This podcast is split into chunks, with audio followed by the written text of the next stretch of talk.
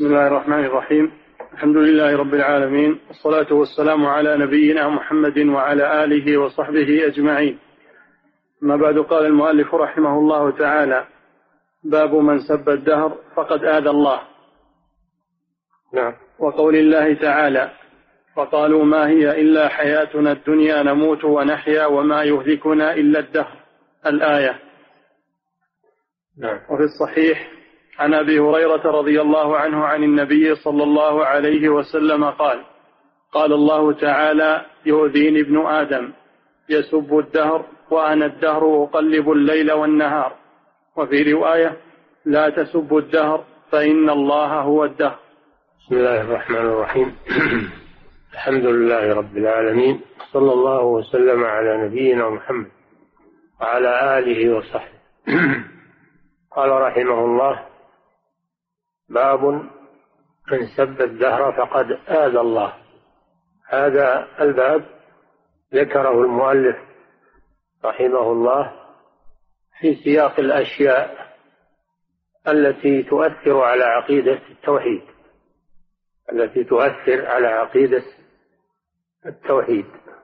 إما بالمنافاة وإما بالنقص. فمسبة الدهر تنقص التوحيد. ولذلك عقد لها هذا الباب وأورد فيه الآية والحديث. من سب الدهر والسب معناه الذم التنقص والدهر المراد به الوقت والزمان. أي من من ذم الزمان وذم الوقت. فقد آذى الله آذى الله لأن الله سبحانه وتعالى يكره ذلك يكره سب الدهر. لأن مسبة الدهر في الحقيقة مسبة لله لأن الدهر مخلوق وهو زمان لما يجري فيه من الخير والشر فهو مجرد ظرف زمان مخلوق لله سبحانه وتعالى. والذي يجري فيه ما يكرهه الناس ليس هو الدهر وإنما هو الله سبحانه وتعالى فهو الذي يجري هذه الأمور ويقدرها وإنما الدهر وقت وزمان لا يذم ولا ولا يتنقص لأنه لا دخل له في ذلك. الدهر في حد ذاته نعمة من الله سبحانه وتعالى لمن استغله في طاعة الله استغله فيما ينفعه فهو نعمة من الله سبحانه وتعالى. ولهذا قال جل وعلا بسم الله الرحمن الرحيم والعصر إن الإنسان لفي خسر إلا الذين آمنوا وعملوا الصالحات تواصوا بالحق وتواصوا بالصبر. فالعصر الذي هو الزمان مجال للعمل هو الذي جعل الليل والنهار خلفة لمن أراد أن يذكر أو أراد شكورا. والأعمال الصالحة إنما تكتسب في هذا الزمان في هذا العصر في هذا الوقت. فالوقت ثمين. ونعمة من الله سبحانه وتعالى. فمن ضيعه فهو خاسر. إن الإنسان لفي خسر. من ضيعه فهو خاسر. ومن حفظه فإنه يكون رابحا. الذين آمنوا وعملوا الصالحات تواصوا بالحق تواصوا بالصبر هؤلاء هم الذين انتفعوا من الوقت وحفظوه واستفادوا منه. فالذم لا يرجع إلى الدهر وإنما يرجع إلى خالق الدهر وهو الله سبحانه وتعالى. وهذا يؤذي الله لأن الله يكرهه. قد قال الله تعالى إن الذين يؤذون الله ورسوله لعنهم الله في الدنيا والآخرة وأعد لهم عذابا مهينا.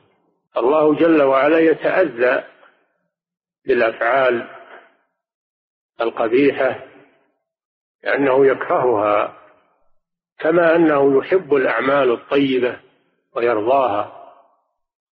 الله يتأذى ولكنه لا يتضرر. الضرر منفي عن الله جل وعلا. الله لا يضره شيء ولا يتضرر بشيء. يا عبادي إنكم لن تبلغوا ضري أو ضري فتضروني ولن تبلغوا نفعي فتنفعوني. الله لا يتضرر. كما أنه لا ينتفع بأعمال العباد وإنما هم الذين يتضررون بها أو ينتفعون بها. لا تضره طاعة لا تنفعه مع طاعة الطائعين ولا تضره معصية العاصي. ففيه فرق بين التأذي والتضرر.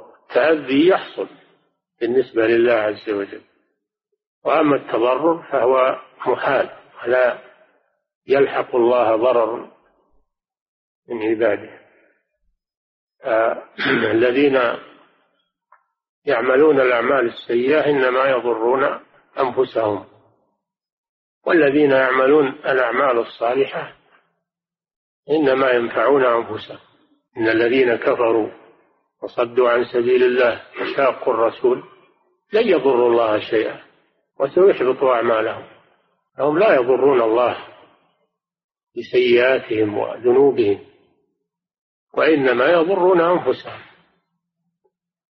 لكن الله يتأذى بالأشياء التي لا تتناسب مع جلاله وعظمته سبحانه وتعالى لأنه يكرهها ويبغضها. ثم ساق المصنف رحمه الله هذه الآية وقالوا ما هي إلا حياتنا الدنيا. نموت ونحيا وما يهلكنا إلا الدهر. وما لهم بذلك من علم إن هم إلا يظنون. هؤلاء هم مشركو العرب ينكرون البعث. مشركو العرب ينكرون البعث. وإن كانوا يقرون بالربوبية وأن الله هو الخالق الرازق المحيي المميت المدبر يقرون بتوحيد الربوبية. ويعبدون الله ببعض العبادات. ولكنهم يشركون به معه غيره وأيضا جمعوا إلى الشرك إنكار البعث. وهذا كثير في القرآن يذكر الله عن المشركين أنهم ينكرون البعث ويستبعدونه. يقولون كيف العظام إذا تفتتت وضاعت وصارت رميما؟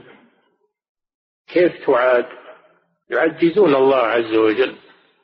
أنه يعيد العظام وهي رميم قال من يحيي العظام وهي رميم يعني أنها إذا العظام تفتتت وتكسرت ما تعود مرة ثانية. ونسي خلقه. ضرب لنا مثلا ونسي خلقه. طيب الذي أوجدك من الأول وأنت لا شيء. من العدم. ألا يقدر على أن يعيدك؟ بلى. الإعادة أيسر. من البداءة. فالذي قدر على البداءة قادر من باب أولى على الإعادة. ضرب لنا مثلا ونسي خلقه. قال من يحيي العظام وهي رميم. قل يحييها الذي أنشأها أول مرة. من الذي أنشأ العظام من العدم؟ هو الله سبحانه وتعالى. الذي أنشأها من العدم. ألا يقدر أن يعيد رميمها؟ كما كانت قادر سبحانه وتعالى. لا يعجزه شيء. وهو بكل خلق عليم. وهو الذي يبدأ الخلق ثم يعيده وهو أهون عليه. الإعادة أهون في نظر العقول. وإلا الله جل وعلا ليس عليه شيء عسير. لكن هذا من باب هذا من باب ضرب المثل. للعقول إن الذي يقدر على البداية يقدر على الإعادة من باب أولى وأن الإعادة أسهل في نظر العقول من البداء وهو أهون عليه وله المثل الأعلى. ولهذا قال وله المثل الأعلى وهو العزيز الحكيم. وقالوا ما هي إلا حياتنا الدنيا؟ يعني ما فيه بعث ما فيه بعث حياة الدنيا فقط. نموت ونحيا. يموت ناس ويحيا ناس. ناس يولدون وناس يموتون. ويقولون هذه سنة الحياة سنة الكون ولا هناك بعد. ما هي إلا حياتنا الدنيا نموت ونحيا. وما يهلكنا إلا الدار. هذا وجه أسند الإهلاك إلى الدهر. وهل الدهر هو اللي يهلك؟ أو يحيي؟ لا الذي يهلك ويحيي هو الله سبحانه وتعالى. وما يهلكنا إلا الدار. يعيش الإنسان ويهرم يشيب ثم يموت. سبب الموت هو الهرم. وليس سببه أنه له أجل وأنه يموت بأجله وأنه يبعث. لا ظنوا أنها حياة ليس بعدها بعث ولا نشور. وما يهلكنا إلا الدار. قال الله جل وعلا وما لهم بذلك من علم. ما هو البرهان والدليل على مقالتهما ما هو الدليل الذي استندوا عليه في نفي البعث؟ ما عندهم دليل. إلا أنه عندهم أنه صعب أنه صعب. ونسوا قدرة الله سبحانه وتعالى ولا ما عندهم دليل. إنهم إلا يظنون. والظن لا يبنى عليه عقيدة ولا يبنى عليه إيمان. إن الظن لا يغني من الحق شيئا. لا يبنى الدين والعقيدة إلا على برهان على دليل. فما هو الدليل على نفي البعث ما عندهم دليل. بل الدليل قائم على على وجود البعث أدلة كثيرة. لو نظروا في الأدلة هم ما عندهم دليل. وهذا يدل على أن من أثبت شيئا أو نفى شيئا فإنه مطالب بالدليل على ما أثبته أو على ما نفاه. مطالب بالدليل البينة على المدعي. وكل من ادعى دعوى نفيا أو إثباتا فعليه أن يقيم الدليل على دعواه وإلا فإنه كاذب. المشركون ليس عندهم دليل على نفي البعث ودليل يعارض الأدلة التي ذكرها الله سبحانه وتعالى في القرآن. ما عندهم دليل. إلا الاستبعاد فقط. هل ندلكم على رجل ينبئكم إذا مزقتم كل ممزق؟ إنكم لفي خلق جديد. إذا مزقتم كل ممزق. يعني تفرقت عظامكم ولحومكم وصرتم ترابا. أئذا كنا عظاما نخرة. قالوا إذا قالوا تلك إذا كرة خاسرة. نخرة. هذا مستندهم فقط فقط الاستبعاد. وهم يقيسون قدرة الخالق على قدرة المخلوق. إذا كان هذا محالا في قدرة المخلوقين فإنه ليس محالا في قدرة الخالق سبحانه وتعالى. الله جل وعلا لا يعجزه شيء. وما يهلكنا إلا الدهر وما لهم بذلك من علم. إن هم إلا يظنون. وعاد قالوا لهود عليه السلام أيعدكم أنكم إذا متم كنتم ترابا وعظاما أنكم مخرجون؟ هيهات هيهات لما توعدون. إن هي إلا حياتنا الدنيا نموت ونحيا وما نحن بمبعوثين. إن هو إلا رجل افترى على الله كذبا وما نحن له بمؤمنين. هذه طبيعة الكفار واحدة من أول الخلق إلى آخره أنهم يعجزون الله سبحانه وتعالى ويقيسون قدرة الخالق على قدرة المخلوق يشبهون الله بخلقه. الآية تنكر على الذين ينكرون البعث وينسبون الهلاك إلى الدهر وما يهلكنا إلا الدهر. هذه مسبة للدهر هو اللي يهلك وهو الذي يموت وهو الذي ولذلك الشعراء يذمون الدهر في أشعارهم. إذا أصابهم شيء سلطوا الذم على الدهر ويلعنون الدهر يشتمون الساعة التي حصل فيها كذا واليوم الذي حصل فيه كذا. هذا من أمور الجاهلية هذا موجود في بعض الناس اليوم. إنهم يذمون الوقت ويذمون الساعة ويذمون اليوم اللي حصل فيه كذا وكذا. هذا من بقايا الجاهلية وهذا يتوجه إلى الله سبحانه وتعالى. هذا الذنب يتوجه إلى الله وهذا ينقص عقيدة التوحيد. وإن كان الإنسان لا يعتقد هذا المشركون يعتقدون هذا لكن المؤمن ما يعتقد هذا لكن يجري على لسانه وهو لا يعتقده بقلبه ولكنه يأثم يجب أنه ينزه لسانه عن مسبة الدهر وأن لا يذم الدهر بل يذم نفسه. الواجب أن الإنسان يرجع على نفسه ويحاسب نفسه. ما أصابه شيء إلا بسبب نفسه. يعني كان الواجب عليه أنه يحاسب نفسه يتوب إلى الله سبحانه وتعالى بدلا من أنه يسب الدهر. أو يقعد يلعن الشيطان. الشيطان ملعون لعنه الله لكن لعنك للشيطان ما يفيدك شيء. بل هذا بل هذا يفرح الشيطان. يقول الشيطان انتصرت عليه وأغويته وأضللته. فالواجب أن الإنسان يرجع إلى نفسه ويلوم نفسه ويتوب إلى الله. يقول الشافعي رحمه الله نعيب زماننا والعيب فينا. وما لزماننا عيب سوانا. العيب ما هو في, في الزمان العيب في الإنسان. واجب أن الإنسان يرجع على نفسه ويحاسب نفسه. ما أصابكم من مصيبة فبما كسبت أيديكم ويعفو عن كثير.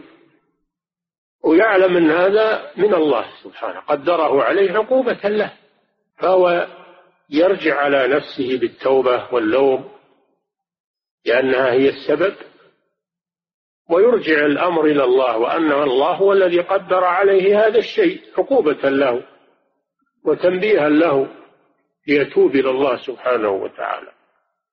هذا هو واجب المؤمن في المجريات التي تجري عليه وعلى غيره وليس من سب الدهر وصفه بالشدة هذا وصف. ما هو بذم؟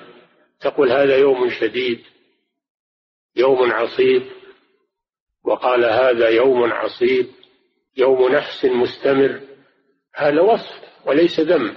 الله خلقه هكذا.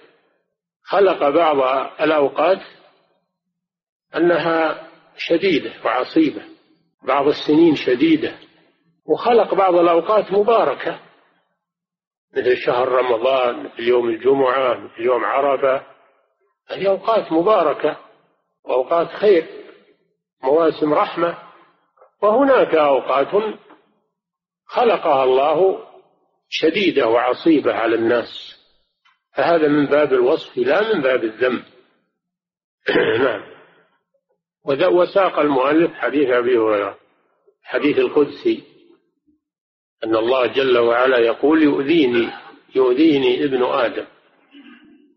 يؤذيني. فدل على أن الله يتأذى سبحانه بأفعال عباده التي يكرهها ويبغضها. يؤذيني ابن آدم. لماذا يؤذيه فسره بقوله يسب الدهر. هذا أذية الله سب الدهر أذية لله جل وعلا. هو ما سب الله سب الدهر. فلماذا صار أذية لله؟ لأن الدهر ليس بيده شيء. فمسبته للدهر مسبة لخالق الدهر. سبه لخالق الدهر. هذا وجه كونهم أذية لله. أن السب والذم يتوجه إلى الخالق سبحانه. لا إلى الدهر لأن الدهر ما ما بيد الشيء ولا وليس هو الذي أحدث هذا الشيء. الذم يتوجه إلى الله. يسب الدهر. وأنا الدهر. أقلب الليل والنهار. أنا الدهر يعني أنا الذي خلقت الدهر وأنا الذي أجري في الدهر ما يجري من ما يكرهه الناس. وليس معناه أن الله أن أن الدهر من أسماء الله. الله لا يقال له الدهر. لأنه فسره بقوله أقلب الليل والنهار. قوله أقلب الليل والنهار تفسير لقوله أنا الدهر. فلا يجوز أنه يؤخذ من هذا الحديث أن الدهر من أسماء الله اعتمادا على قوله أنا الدهر. بل يكمل الحديث. ما يجوز قطع الحديث. يكمل. أنا الدهر أقلب الليل والنهار لأن أقلب الليل والنهار يوضح المقصود ويفسره. فمن أخذ من هذا الحديث أن الدهر من أسماء الله فقد غلط. كالإمام ابن حزم رحمه الله غلط في هذا. ليس من أسماء الله الدهر. وأما قوله أنا الدهر فسره قوله يقلب الليل والنهار كما في قوله تعالى يقلب الله الليل والنهار. إن في ذلك لعبرة لأولي الأبصار. وهكذا الأحاديث التي من أمثال هذا الحديث فيها شيء مستغرب في في أسماء الله وصفاته. يجب أن تقرأ جميعا أولها وآخرها لأن بعضها يفسر بعض. ما نقطع جزء من الحديث نقول هذا يدل على كذا دون أن نكمل الحديث. مثل مثل ما ترددت في شيء أنا فاعله ترددي في قبض روح عبد المؤمن. بعض الإخوان وبعض الطلاب يقول إن الله يوصف بالتردد أخذا من هذا اللفظ يقول ما أكملت الحديث؟ آخر الحديث وش يقول؟ يكره الموت وأكره مساءته. فمعنى ترددت أي كرهت كراهة. ما ترددت يعني ما كرهت شيئا مثل ما كرهت قبض روح عبد المؤمن. التردد معناه الكراهة. والله يوصف لأنه يكره ويبغض ويحب. فالواجب على طالب العلم أنه ما يتسرع في هذه الأمور ويقطع لفظ من الحديث ويقول هذا يدل على كذا دون أن يكمل الحديث. أو إذا كان هناك حديث آخر يفسره أو آية توضحه. لابد من الجمع بين لأن كلام الله جل وعلا لا يتناقض. كلام الرسول صلى الله عليه وسلم لا يتناقض. بل يفسر بعضه بعضا ويوضح بعضه بعضا. وفي رواية لا تسبوا الدهر. نهي هذا نهي النهي للتحريم. وقوله يؤذين ابن آدم هذا يدل على التحريم. لأن الله جل وعلا يقول إن الذين يؤذون الله ورسوله لعنهم الله في الدنيا والآخرة وأعد لهم عذابا مهينا. يدل على التحريم. وأيضا قوله لا تسبوا الدار. هذا نهي والنهي يقتضي التحريم. ثم علله علل النهي بقوله فإن الله هو الدهر فمن سب الدهر فقد سب الله سبحانه وتعالى. وهذا محذور عظيم. فلذلك يجب على العبد أن يمسك لسانه عن مسبة الدهر ومسبة الأوقات وأن يسند الأمور إلى الله سبحانه وتعالى وأن يحاسب نفسه عما فرط وعما قصر لأنه ما أصابه شيء إلا بسبب ذنوبه وبسبب معاصيه فيتوب إلى الله. فهذه الحوادث التي تجري مما يكرهه الناس هي بسبب أفعالهم وهي قدر من الله جل وعلا قدرها عليهم بسبب أفعالهم عقوبة لهم. فهي من الله قضاء وقدرا وهي من الخلق تسببا وفعلا. ما أصابك من حسنة فمن الله وما أصابك من سيئة فمن نفسك.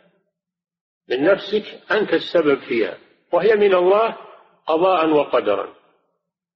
وخلقا وإيجادا. لكن الله لم يخلقها ولم يوجدها عبثا وإنما أوجدها وخلقها بسبب فعلك. قدرها عليك عقوبة لك. فتنبه لهذا. نعم. قوله باب من سب الدهر فقد آذى الله. وقول الله تعالى وقالوا ما هي إلا حياتنا الدنيا نموت ونحيا وما يهلكنا إلا الدهر. قالوا يعني المشركين. يعني المشركين الذين في زمن الرسول صلى الله عليه وسلم. لما أخبرهم بالبعث استغربوا وقالوا هذا محال ما هي إلا حياتنا الدنيا هذا إنكار للبعث. يعني ما عندهم إلا دار واحدة وهي دار الدنيا. ليس هناك دار أخرى يبعثون إليها هذا بزعمهم ولهم كل العرب في من من العرب من يؤمن بالبعث. هذا بعضهم. وإلا بعض المشركين من العرب يعترفون بالبعث كما في معلقة زهير بن أبي سلمى وغيره من شعراء الجاهلية يذكرون البعث. نعم. وقول الله تعالى وقالوا ما هي إلا حياتنا الدنيا نموت ونحيا وما يهلكنا إلا الدهر. قال العماد بن كثير في تفسيره. يخبر تعالى عن دهرية الكفار ومن وافقهم من مشرك العرب. العماد ما هو باسمه العماد هذا لقب. عماد الدين اسمه عماد الدين. قوله العماد هذا اختصار. الأصل عماد الدين إسماعيل بن كثير. نعم. قال العماد بن كثير في تفسيره يخبر تعالى عن دهرية الكفار ومن وافقهم من مشرك العرب في إنكار المعاد. نعم. وقالوا ما هي إلا حياتنا الدنيا نموت ونحيا. لأن الدهرية على قسمين. دهرية ملاحدة ينكرون الخالق سبحانه وتعالى ويرجعون الأمور إلى الطبيعة فقط. هؤلاء دهرية ملاحدة ينكرون وجود الله سبحانه وتعالى. ودهرية من المشركين يؤمنون بالله ويقرون بتوحيد الربوبية ولكنهم ينكرون البعث. هؤلاء دهرية أيضا. نعم. وقالوا ما هي إلا حياتنا الدنيا نموت ونحيا. أي ما تم إلا هذه الدار. يموت قوم ويعيش آخرون. نعم. ولا ثم أرحام أرحام تدفع وأرض تبلع. هذه عبارته أرحام تدفع يعني مواليد وأرض تبلع يعني أموات. نعم. يموت قوم ويعيش آخرون. ولا ثم معاد ولا قيامة. وهذا يقوله مشرك العرب المنكرون للمعاد. المنكرون ما هو كل مشرك العرب بل المشركون المنكرون للمعاد. نعم. ويقوله الفلاسفة الإلهيون منهم. وهم نعم. وهم, وهم ينكرون البداءة والرجعة. فلاسفة على قسمين فلاسفة ملاحدة وفلاسفة إلهيين يعني يؤمنون بالرب ولكن يكفرون بأشياء كثيرة. نعم. ولهذا قال عنهم وما يهلكنا إلا الدهر. قال سبحانه وما لهم بذلك من علم. هذا رد عليهم أنهم ما عندهم حجة على النفي. ما يهلكنا إلا الدهر. ما عندهم حجة على هذا. نعم. وما لهم بذلك من علم إن هم إلا يظنون. نعم. أي يتوهمون ويتخيلون. قوله وعن أبي هريرة رضي الله عنه قال قال رسول الله صلى الله عليه وسلم قال الله تعالى يؤذيني ابن آدم يسب الدهر وأنا الدهر أقلب الليل والنهار. وفي رواية لا تسبوا الدهر فإن الله هو الدهر. نعم. قال في شرح السنة حديث متفق على صحته. قال في شرح السنة يعني البغوي. الإمام البغوي في شرح السنة. كتاب موجود مطبوع شرح السنة للبغوي. نعم. قال في شرح السنة حديث متفق على صحته. أخرجاه من طريق معمر من أوجه عن أبي هريرة. قال ومعناه أن العرب كان من شأنها ذم الدهر. وسبه عند النوازل لأنهم كانوا ينسبون إليه ما يصيبهم من المصائب والمكاره فيقولون أصابتهم قوارع الدهر وأبادهم الدهر. فإذا أضافوا إلى الدهر ما نالهم من الشدائد سبوا فاعلها. يقولون يا خيبة الدهر يا خيبة الدهر يسبون الدهر بالخيبة يصفونه بالخيبة. نعم. فإذا أضافوا إلى الدهر ما نالهم من الشدائد سبوا فاعلها فكان مرجع سبها إلى الله عز وجل إذ هو الفاعل في الحقيقة للأمور التي يصفونها. فنهوا عن سب الدهر. انتهى باختصار. انتهى من كتاب السنة شرح السنة. نعم. ونسبة الفعل إلى الدهر ومسبته كثيرة في أشعار المولدين. المولدين الشعراء الذين جاءوا بعد عصر بني أمية مولدين يعني اللي اختلطت لغتهم بالعامية ولا ولا يستشهد بأشعارهم لأنه دخلها اللحن بخلاف شعراء العرب الأصيلين شعراء الجاهلية وشعراء عصر بني أمية هؤلاء يحتجوا بأشعارهم في اللغة لأنها لم يدخلها اللحن. ومن جاء بعدهم يسمى بالمولد. نعم. يعني الذي دخله اللحن مثل شعر المتنبي وأبي تمام والبحتري و يعني شعراء عصر بني العباس ما يحتج به لأنه دخله اللحن نعم.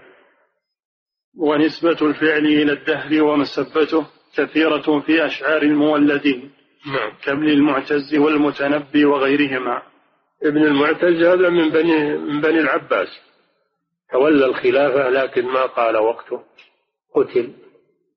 وإلا هو من خلفاء بني العباس وهو شاعر. نعم. وليس منه وصف السنين بالشدة. أي نعم. يجوز أنك تقول هذا يوم شديد هذا يوم عصيب.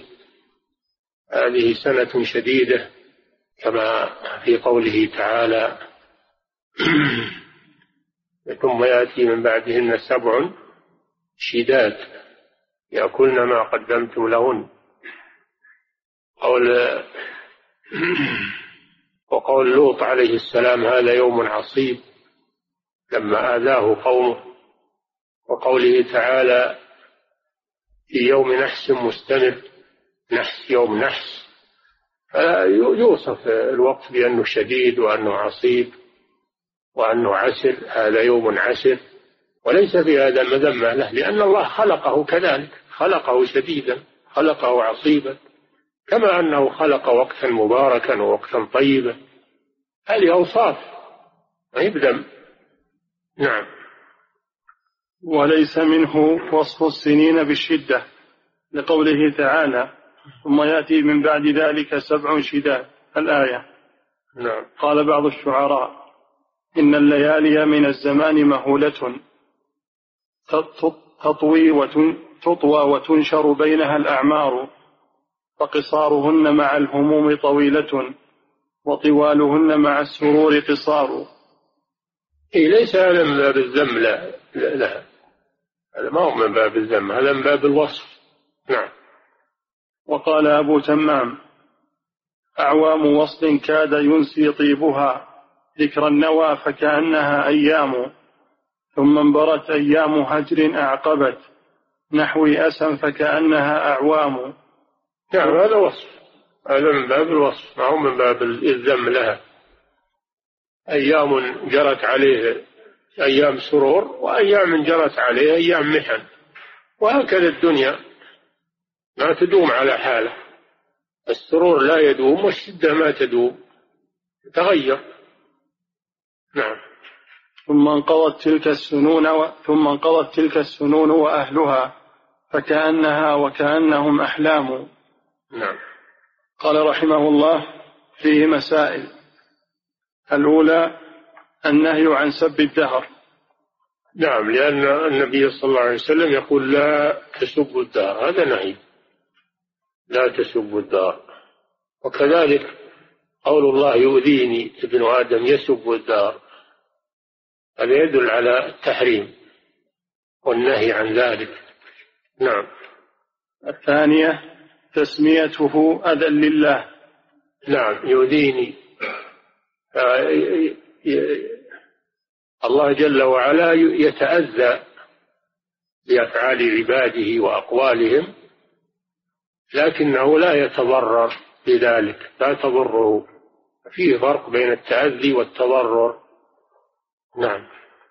الثالثة التأمل في قوله فإن الله هو الدهر. إي نعم. تأمل لا تتسرع وتأخذ من قوله إن الله هو الدار أن الدار من أسماء الله. بل تأمل. اقرأ الحديث كله.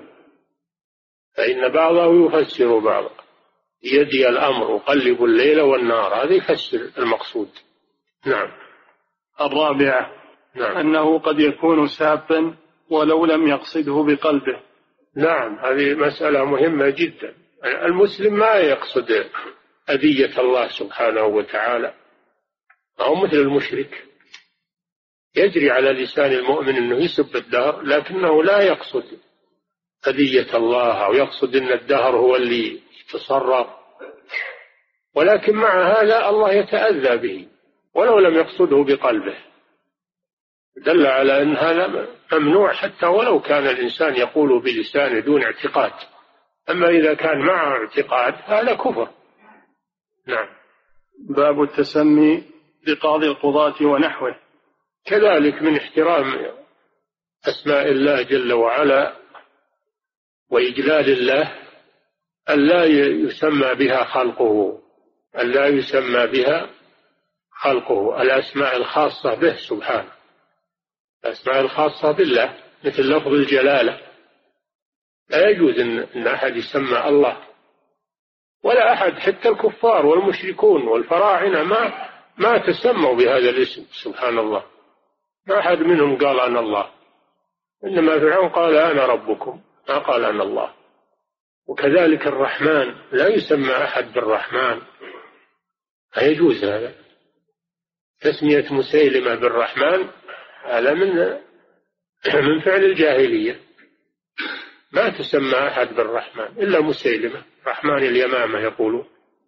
وكذلك مالك الملك هذا لا يجوز. أو ملك الملوك هذا لا يجوز. سيد الناس رب العالمين. هذه لا تجوز إلا لله سبحانه وتعالى.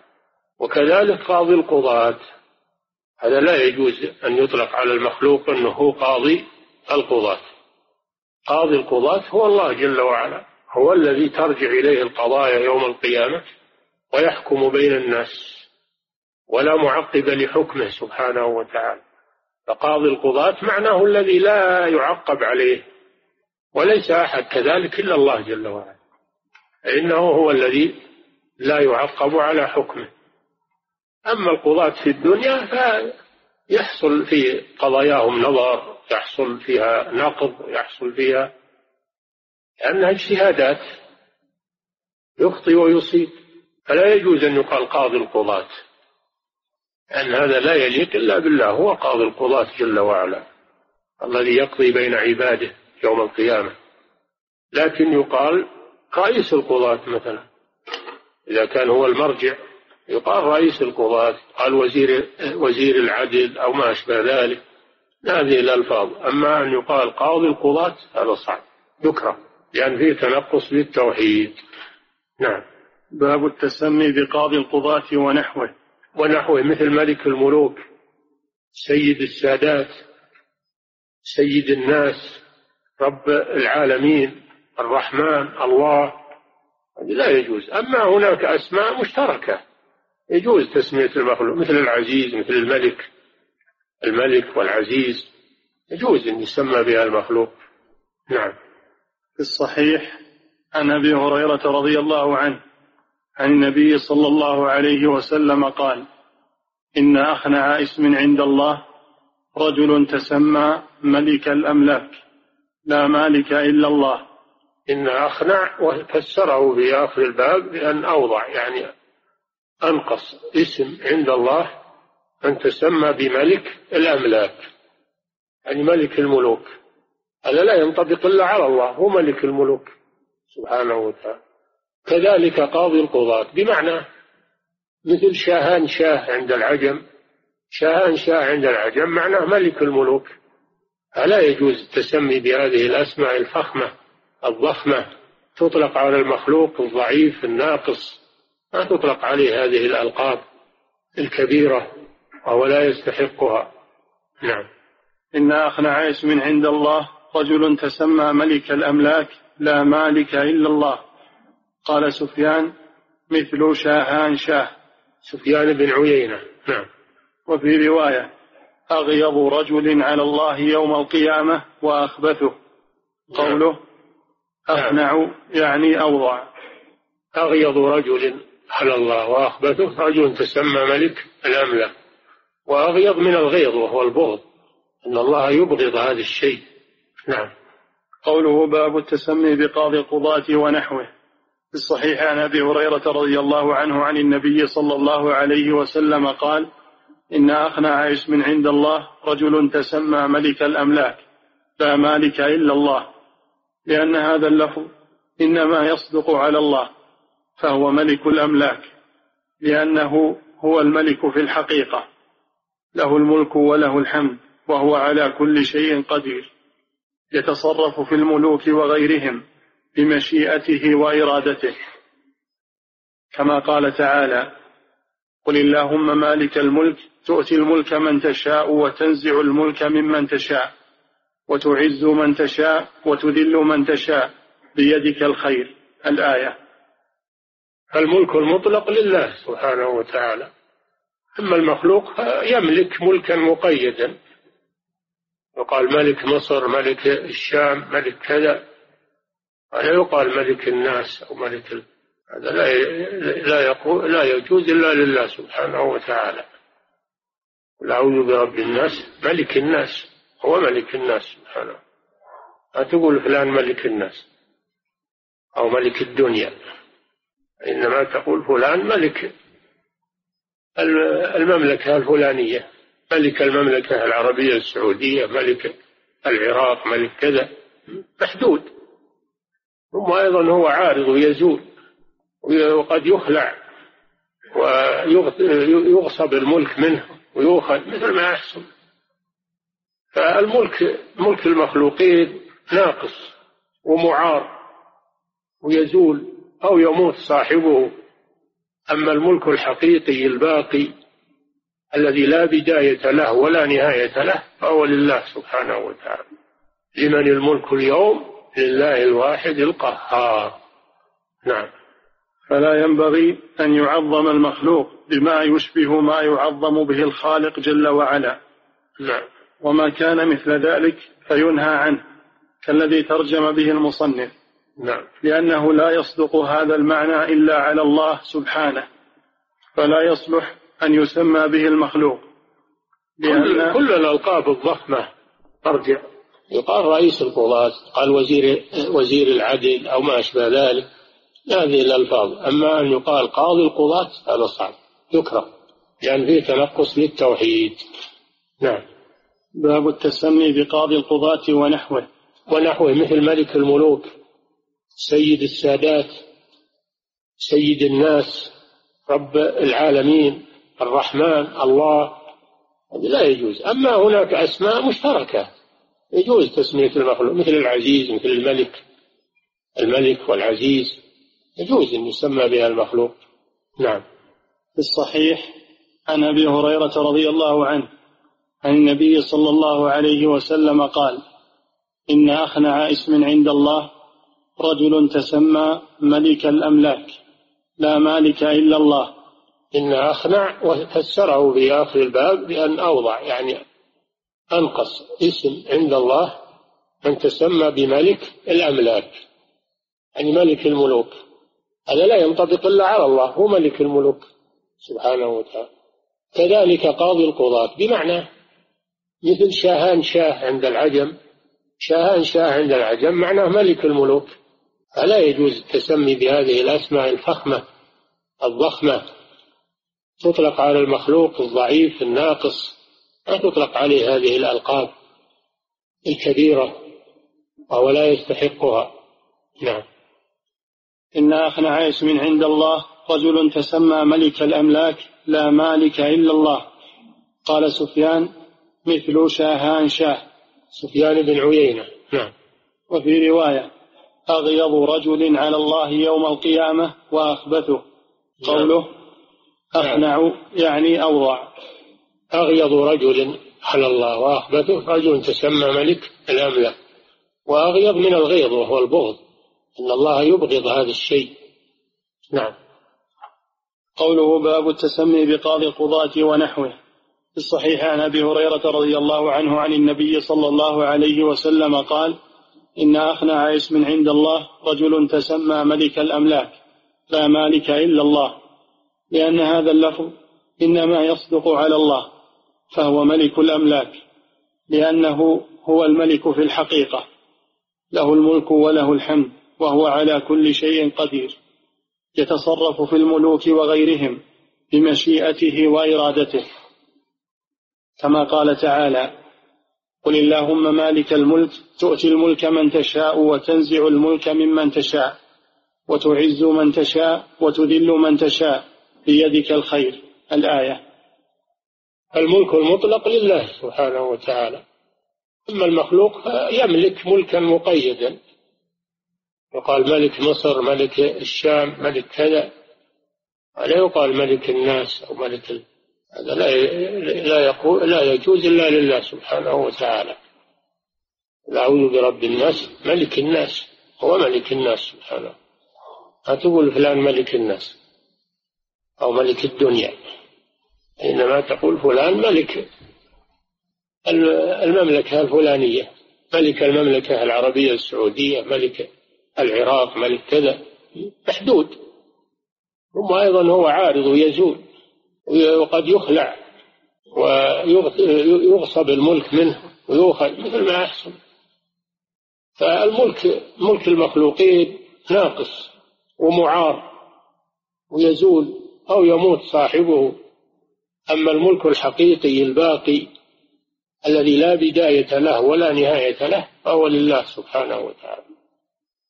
لمن الملك اليوم؟ لله الواحد القهار. نعم. فلا ينبغي أن يعظم المخلوق بما يشبه ما يعظم به الخالق جل وعلا. نعم. وما كان مثل ذلك فينهى عنه كالذي ترجم به المصنف. نعم. لأنه لا يصدق هذا المعنى إلا على الله سبحانه فلا يصلح أن يسمى به المخلوق. لأن كل الألقاب الضخمة تكره الألقاب الضخمة تكره ومنها ما يحرم. نعم. لأن كل لفظ يقتضي التعظيم والكمال لا يكون إلا له تعالى وتقدس دون غيره. نعم. قوله قال سفيان مثل شاهان شاه. عند العجم عبارة عن ملك الأملاك. نعم. ولهذا مثل به سفيان قوله وفي رواية أغيض رجل على الله أغيض من الغيظ فهو مثل الغضب والبغض فيكون بغيضا إلى الله. مغضوبا عليه. وهذا من الصفات التي تمر التي تمر كما جاءت من غير تحريف ولا تأويل ولا تشبيه ولا تمثيل. والله يعني أعلم. يعني الغيظ والغضب والكراهة والبغض في حق الله تثبت كما جاءت ولا تؤول مثل ما يفعل المؤولة. ويقال هذا غيظ يليق بالله وغضب يليق بالله وكراهة تليق بالله. ليست كغضب المخلوق ولا كغيظ المخلوق ولا مثل كراهة المخلوق كسائر صفاته سبحانه خاصة به. وإن كان يوجد لفظها في المخلوقين إلا أن هذا خاص بالمخلوقين كل صفاته تناسبه. الرب له صفات تناسبه والمخلوق له صفات تناسبه. وإن اشتركت في اللفظ والمعنى لكنها لا تشترك في الحقيقة والكنه والكيفية. هذا شيء معروف في الأسماء والصفات قاعدة معروف. نعم. قوله وأخبته وهو يدل أيضا على أن هذا خبيث عند الله إذا رضي بذلك لتعظيم الناس له بما لا يستحقه وعدم إنكاره وكراهته لذلك. إن تسمى به هو فهذا أشد. وإن سماه الناس به ورضي هو به فهذا أيضا لا يجوز. أما إذا سموه وهو لم يرضى بهذا أو ما درى فلا إثم عليه هو. نعم. قوله أخنع يعني أوضع. وهذا المذكور ينافي كمال التوحيد الذي دلت عليه كلمة الإخلاص. فيكون فيه شائبة من الشرك وإن لم يكن أكبر. نعم التسمي بهذا هذا ما يقتضي الكفر ولكنه يقتضي أنه شرك أصغر أنه مكروه نعم أو محرم لكن لا يصل إلى حد الكفر والشرك نعم. قال رحمه الله فيه مسائل نعم. الأولى النهي عن التسمي بملك الأملاك. هذا واضح نعم. الثانية هذا من لفظ الحديث نعم. الثانية أن ما في معناه مثله أن ما في معناه يقاس عليه مثل قاضي القضاة مثل ملك الملوك مثل شاهان شاه مثل ملك الملوك المعنى واحد. نعم. أن ما في معناه مثله كما قال سفيان. الثالثة التفطن للتغليظ في هذا ونحوه مع القطع بأن القلب يقصد معناه. لم يقصد معناه. لم. أنكم يقصد؟ مع القطع بأن القلب لم يقصد. لم يقصد مع لم يقصد معناه. أي نعم. هذا إذا جرى على اللسان فقط بدون اعتقاد القلب. أما إذا اعتقد القلب هذا الشيء وأن أحدا يستحق هذا اللقب فهذا يقتضي الكفر. نعم إذا اعتقد أحد أن فلان ملك الملوك أو أن فلان هو قاضي القضاة إذا اعتقد هذا يصير كافر. أما إذا جرى على لسانه ولم يقصده بقلبه فهذا منهي عنه. نعم. الرابعة التفطن أن هذا لأجل الله سبحانه وتعالى. لأجل؟ أن التفطن أن هذا لأجل الله سبحانه. لإجلال الله. التفطن أن هذا لإجلال الله سبحانه. أن الامتناع من هذا الشيء والنهي عنه لإجلال الله سبحانه وتعالى وتعظيمه. نعم. يقول فضيلة الشيخ وفقكم الله. سمعت حديثا الدنيا ملعونة ملعون ما فيها إلا ذكر الله. أليس في هذا سب للدهر؟ يقول العلماء في معنى ملعونة يعني مذمومة. ليس معناه اللعن الذي هو الطرد والإبعاد عن رحمة الله وإنما معناه الذم. الدنيا مذمومة مذموم ما فيها إلا ذكر الله إلا ذكر الله وما والاه. لا شك أن الدنيا الاشتغال بالدنيا عن الآخرة والاغترار بها أن هذا مذموم. نعم. يقول فضيلة الشيخ وفقكم الله نسمع في دعاء القنوت عند الدعاء على الكفار اللهم أرنا بهم يوما أسودا ما الحكم في ذلك؟ من الذي قال هذا؟ هذا في الحديث. هذا كلام بشر ما اللفظة هذه ما ما لها صدق الاجتهاد من القائل. نعم. يقول فضيلة الشيخ وفقكم الله بعض الناس إذا غضب, إذا غضب على زميله قال لا بارك الله بالساعة التي عرفتك بها فما الحكم في ذلك؟ نعم هذا ذم للساعة. هذا ما في شك أنه ذم للساعة ذم للزمان. فلا يجوز هذا؟ لا يجوز هذا. أنه يدعو على الساعة ويدعو على اليوم يدعو على. هذا ذم له. إذا دعا عليه فقد ذمه. نعم. يقول فضيلة الشيخ وفقكم الله هل يجوز تسمية الرسول صلى الله عليه وسلم بسيد بني آدم؟ وما الفرق بين ذلك وبين سيد الناس؟ الرسول صلى الله عليه وسلم له خصوصية. قال أنا سيد ولد آدم ولا فخر. الرسول له خصوصية هو سيد ولد آدم عليه الصلاة والسلام لأنه أفضل الخلق. ما في مخلوق أفضل من الرسول صلى الله عليه وسلم. والرسول قاله من باب الشكر لله ما هو من باب الافتخار. ما هو من باب الافتخار ولهذا قال ولا فخر. وإنما قاله تحدثا بنعمة الله عز وجل. ولأجل أن يبشر أمته بذلك. نعم. يقول فضيلة الشيخ وفقكم الله هل يبدع من قال إن الدهر من أسماء الله سبحانه؟ لا يخطأ. يخطأ يقال هذا خطأ فهم خطأ. الإنسان بشر يخطئ ويصيب وإن كان قد بلغ من العلم ما بلغ مثل ابن حزم لكن الإنسان يخطئ بشر. نعم. يقول فضيلة الشيخ الإمام ابن حزم كما تعلمون يأخذ بالظواهر. وهذا من هذا من آفة الأخذ بالظاهر. هذا من الآفات التي حصلت بسبب الأخذ بالظاهر دون الرجوع إلى النصوص الأخرى. وهذا ما ذكرته لكم مرارا إن الإنسان ما يستعجل ويختطف من لفظة حكما شرعيا دون أن ينظر في في الألفاظ الأخرى ودون أن ينظر في إكمال النصوص والأحاديث والآيات. إن القرآن يفسر بعضه بعضا والسنة يفسر بعضها بعضا. خطف لفظة من الألفاظ والاستدلال بها دون الرجوع إلى بقية النص أو النصوص الأخرى. هذا هو سبب الوقوع في الخطأ. وقع ابن حزم رحمه الله بهذا بهذا السبب. نعم. يقول فضيلة الشيخ وفقكم الله هل يجوز التسمي باسم سيد الزمان؟ لا من هو سيد الزمان؟ لو قال سيد زمانه مثلا يمكن أخف سيد زمانه هو يعني أما الزمان مطلقا من أوله إلى آخره لا لا يجوز نعم وفضيلة الشيخ وفقكم الله هل يجوز التسمي بلفظ عاهل وما معنى العاهل؟ العاهل فيما أظن الأسد أو أو السبع. العاهل من أسماء من أسماء السباع أو الأسود نعم. هم يشبهونه بذلك. يشبهونه بالأسد أو الشجاع. نعم. يقول فضيلة الشيخ وفقكم الله جلالة الملك هل هي لفظة جائزة؟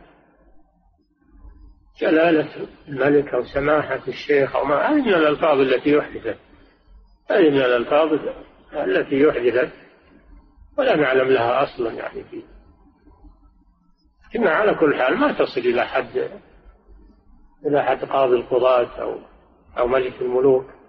جلالة على قدره يعني جلالة على قدره. نعم. يقول فضيلة الشيخ وفقكم الله بعضها لا شك أن تركها أنه أحسن. ولذلك ملكنا حفظه الله ووفقه. لم يرضى بها ومنع إطلاقها عليه. نعم. يقول فضيلة الشيخ وفقكم الله بعض الناس يسب الدهر ويقول إن هذا الكلام يجري على لسانه. نعم. بعض الناس يسب الدهر إيه؟ ويقول إن هذا الكلام يجري على لسانه. فهل يعزر بهذا؟ يعزر؟ نعم. لا التعزير ما يعزر لكن يبين له هذا أنه لا يجوز ويتركه إن شاء الله. نعم. يقول فضيلة الشيخ وفقكم الله العرب هل كل العرب ينكرون البعث؟ قلنا لكم مشركو العرب منهم من يقر بالبعث ومنهم من ينكر البعث. الذين بعث إليهم الرسول صلى الله عليه وسلم ينكرون البعث كما ذكر الله عنهم في القرآن.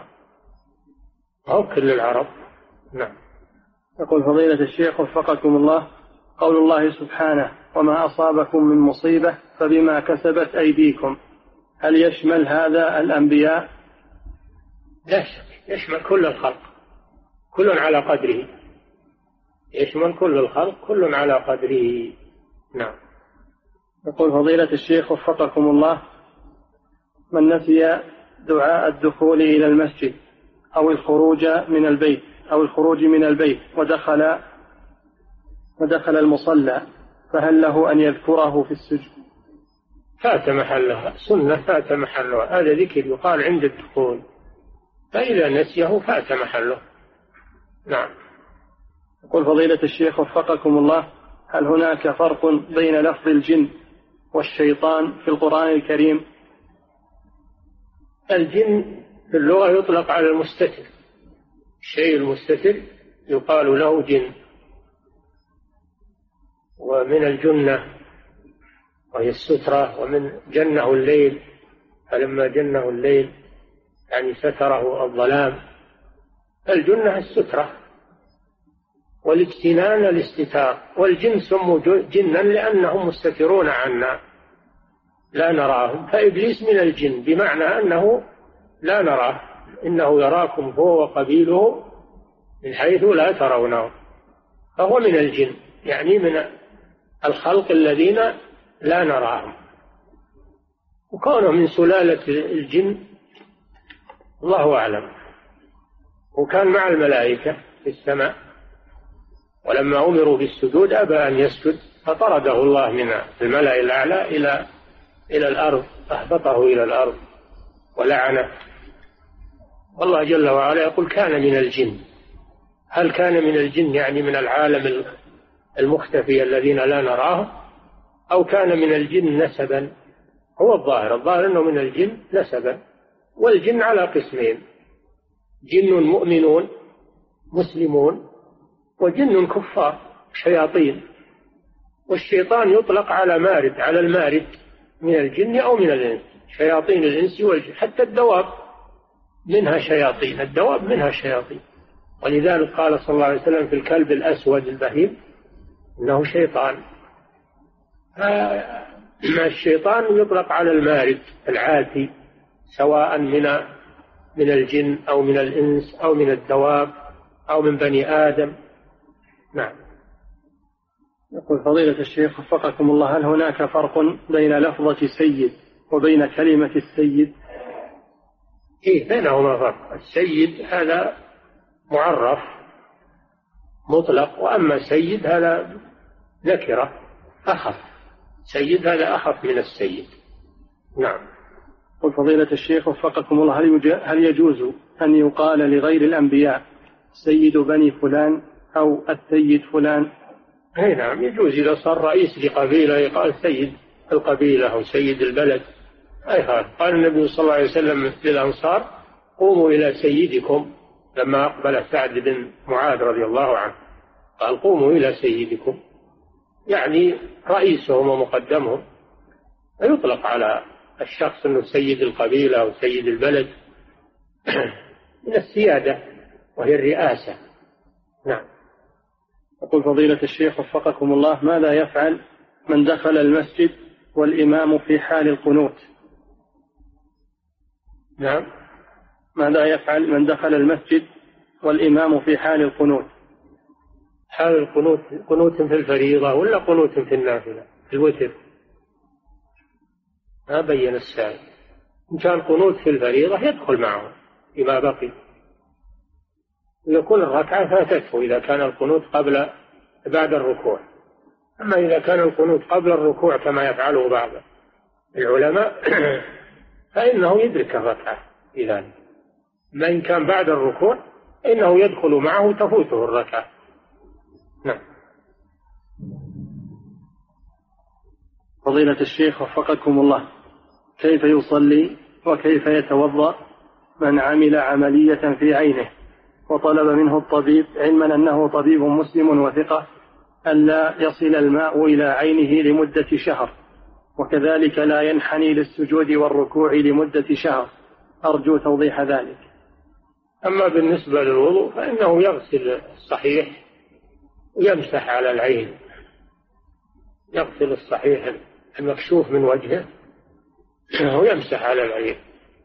على ما عليها من من بصوق أو من شيء وضع عليها يمسح عليه يكفي هذا عن غسل ما تحته.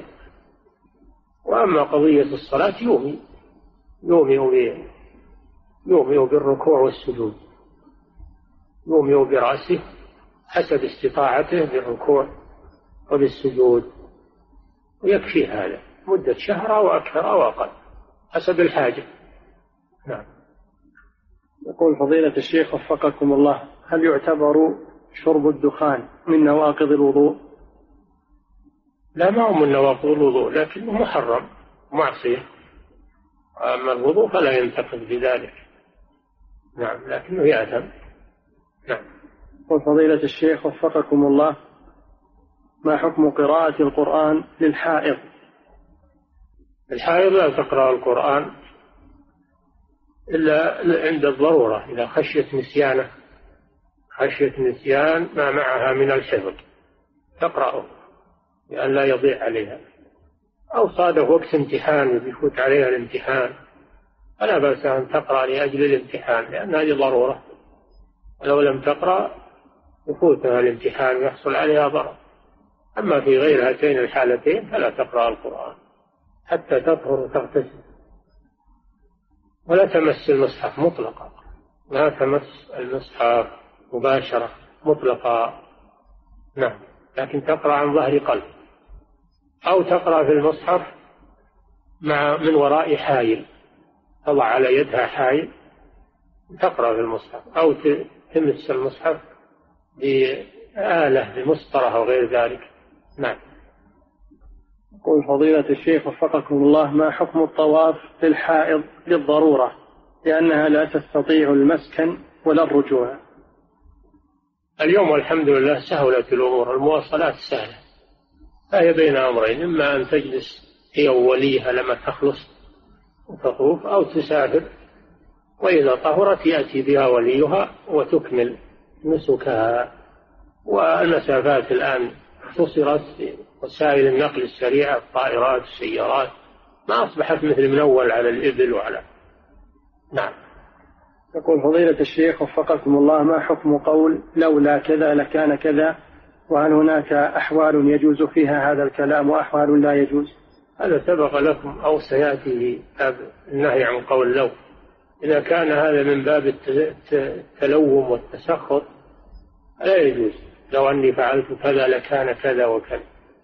لأن هذا معناه عدم الإيمان بالقضاء والقدر.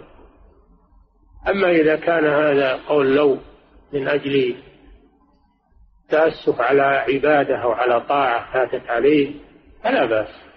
كقوله صلى الله عليه وسلم لو استقبلت من أمري ما استدبرت لا لا أحللت معكم لا لما سقت الهدي ولا أحللت أحللت معكم وجعلتها عمرة. هذا من باب التأسف على العبادة ما هم من باب لوم القضاء والقدر. نعم. يقول فضيلة الشيخ وفقكم الله ما حكم الوضوء من ماء زمزم؟ وهل حديث ماء زمزم لما شرب له حديث صحيح وما معناه؟ أما أنه حديث صحيح فلا ما هو حديث صحيح؟ فيه مقال. ولكن ماء زمزم ماء مبارك بلا شك. الرسول صلى الله عليه وسلم شرب منه وتضلع منه وحث على التضلع منه وفيها حديث وإن كان فيها مقال إلا أن أنها تتعاضد تدل على أن هذا الماء له خاصية وله أنه ماء مبارك. شربه عبادة. شربه ما من أجل التلذذ. وإنما هو من أجل العبادة وهو ماء مبارك فيه شفاء بإذن الله طعام وطعم وشفاء وسق فهو ماء مبارك طيب ويجوز الوضوء به إلا أن العلماء يكرهون الاستنجاء يكرهون الاستنجاء به غسل النجاسة أما الوضوء فلا بأس. نعم. يقول فضيلة الشيخ وفقكم الله ما حكم التزام الملتزم ووضع اليدين عليه؟ وما مقدار الملتزم وما حكم التزام شيء من الكعبة. الملتزم هو ما بين الركن والباب ما بين الحجر الأسود وباب الكعبة. والالتزام ليس معناه التعلق بالكعبة وإنما معناه الوقوف في هذا المكان والدعاء. هذا طيب لا بأس به وفعله السلف. فيه آثار تدل على أنه مشروع. فيأتي ويقف في هذا المكان ويدعو الله بما يريد من خيري الدنيا والآخرة ولا يتعلق بأستار الكعبة أو يتعلق بالباب أو ما أشبه ذلك مما يفعله الجهال. إنما الغرض الوقوف والدعاء في هذا المكان. نعم. يقول فضيلة الشيخ وفقكم الله رجل قطع عمرته قبل إتمام الطواف لمرض ثم رجع إلى بلده ولبس المخيط وغطى رأسه وجامع أهله فماذا يجب عليه؟ هذا فيه تفصيل. هذا فيه تفصيل. الواجب عليه أنه انتظر حتى يزول المرض يزول المعنى ويكمل العمرة. يبقى في إحرامه. وإذا شفاه الله قدر يكمل العمرة أو يطاف به محمولا. ويسعى به محمولا ولو هو مريض. يحمل. ففعله هذا غلط بلا شك. والعمرة باقية عليه والإحرام باق عليه. عليه الرجوع وإكمال العمرة تكون فاسدة وعليه بعد ذلك أنه يرجع للميقات الذي أحرم منه بالأول ويحرم بعمرة جديدة لا قضى للعمرة الفاسدة التي أفسدها بالجماع وعليه فدية عليه ثلاثة أمور. أولا أنه يرجع ويكمل العمرة الفاسدة ويتجنب محظورات الإحرام لأنه محرم لا يزال محرما الثاني عليه أنه يحرم بعمرة جديدة من الميقات الذي أحرم منه بالأول قضاء للعمرة الفاسدة. ثالثا يذبح فدية في مكة يوزعها على الفقراء على فقراء الحرم. فإن كان لا يستطيع الذبح يصوم عشرة أيام. هذا ما يلزمه. نعم. يقول فضيلة الشيخ وفقكم الله ما حكم كتابة اسم السيد الذي يكتب في الفواتير؟ مثل المطلوب من السيد فلان المحترم وهل هذه اللفظة فيها إثم في الفواتير؟ ما يكفي هذا يقول السيدة فلانة. السيدات توسعوا في هذا الشيء. هذه الألفاظ يجب تجنبها يكره التلفظ بها. أن يقال سيد حتى النبي صلى الله عليه وسلم يقول لا تقولوا للكافر يا سيد فإنه إن كان سيدا فلا يجوز أنه يقال للكافر يا سيد والمسلم يكره له هذا الشيء. يجب تجنب هذا اللفظ. نعم. يقول فضيلة الشيخ وفقكم الله ما الفرق بين جهاد الطلب وجهاد الدفع؟ جهاد الدفع هذا إذا حاصر الكفار بلد المسلمين يجب على كل من كان في البلد وهو يستطيع القتال أن يقاتل. دفاعا عن الحرمات. وأما قتال الطلب فهذا الغزو الغزو في جهاد الكفار. هذا فرض كفاية. إذا قام به من يكفي سقط الإثم عن الباقي. أما الأول فرض عين على كل من يستطيع. نعم. يقول فضيلة الشيخ وفقكم الله ما حكم صلاة المأموم إذا سجد الإمام سجود تلاوة ولكن المأموم لم يسجد؟ ما حكم ما حكم صلاة المأموم؟ إذا سجد الإمام سجود تلاوة ولكن المأموم لم يسجد. إذا كان لم يسجد لأنه ما درى أو ما سمع فلا حرج عليه. أما إذا تعمد مخالفة الإمام فهذا لا يجوز. لا يجوز له ذلك. قوله صلى الله عليه وسلم إنما جعل الإمام ليتم به. لا يجوز له يخالف الإمام متعمدا.